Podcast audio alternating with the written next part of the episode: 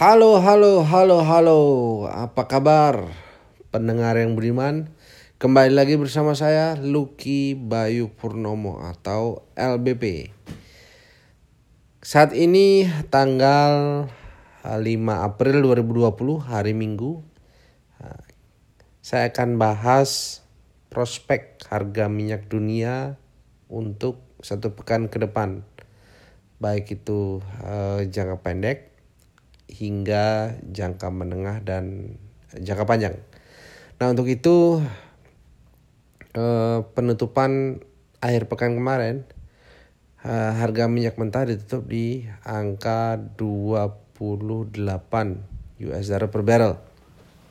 Nah angka 28 US dollar per barrel tersebut menjadi angka yang relatif eh, menarik karena kita ketahui dua pekan sebelumnya minyak dunia tersebut berada pada angka 20 US dollar per barrel. Bahkan uh, 52 minggu sebelumnya uh, minyak dunia sempat menguji level 19 dolar US dollar per barrel.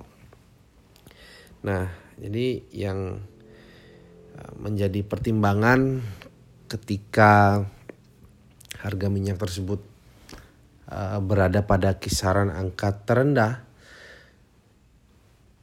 adalah pertimbangan riwayat dari uh, harga minyak tersebut.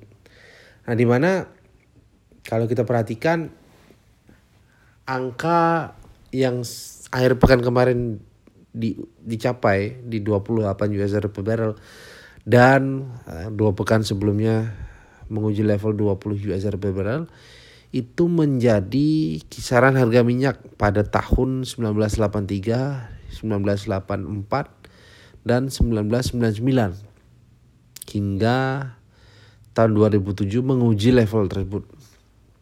Nah, untuk itu uh, harga minyak yang telah diuji berulang kali dan menghasilkan uh, sentimen positif atau kenaikan adalah angka psikologis tersebut yaitu angka 20 US per barrel yang dua pekan lalu telah diuji dan hingga saat ini tanggal eh, 3 April pada akhir pekan kemarin harga minyak menguat di level 28 US per barrel. Nah, untuk itu target harga minyak dunia uh, cenderung mengalami penguatan untuk pekan depan dengan target yang akan diuji adalah 30 US dollar per barrel hingga 33 US dollar per barrel.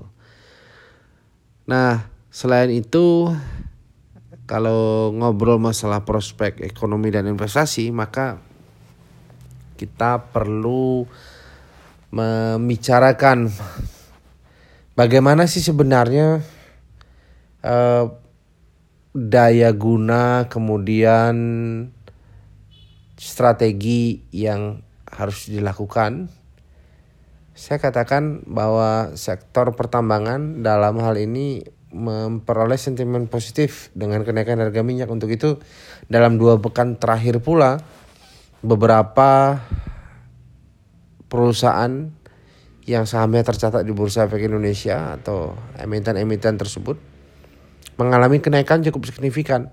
Antara lain adalah Adaro Energy dengan kode ADRO, kemudian Aneka Tambang dengan kode ANTM, kemudian PT Timah dengan kode TINS, kemudian kita lihat lagi ada Medco Energy, kemudian tambang batubara Bukit Asam dengan kode PTBA. Itu mengalami kenaikan yang cukup signifikan. Nah, untuk itu dengan prospek harga minyak dunia yang cenderung melanjutkan kenaikannya, maka sektor pertambangan menjadi sektor pilihan untuk uh, pekan depan. Uh, demikian saya Lucky Bayu Purnomo ikuti terus diskusi-diskusi, obrolan-obrolan dan pandangan-pandangan mengenai prospek ekonomi dan investasi. Terima kasih, saya Lucky Bayu Purnomo. Sampai jumpa pada kesempatan berikutnya.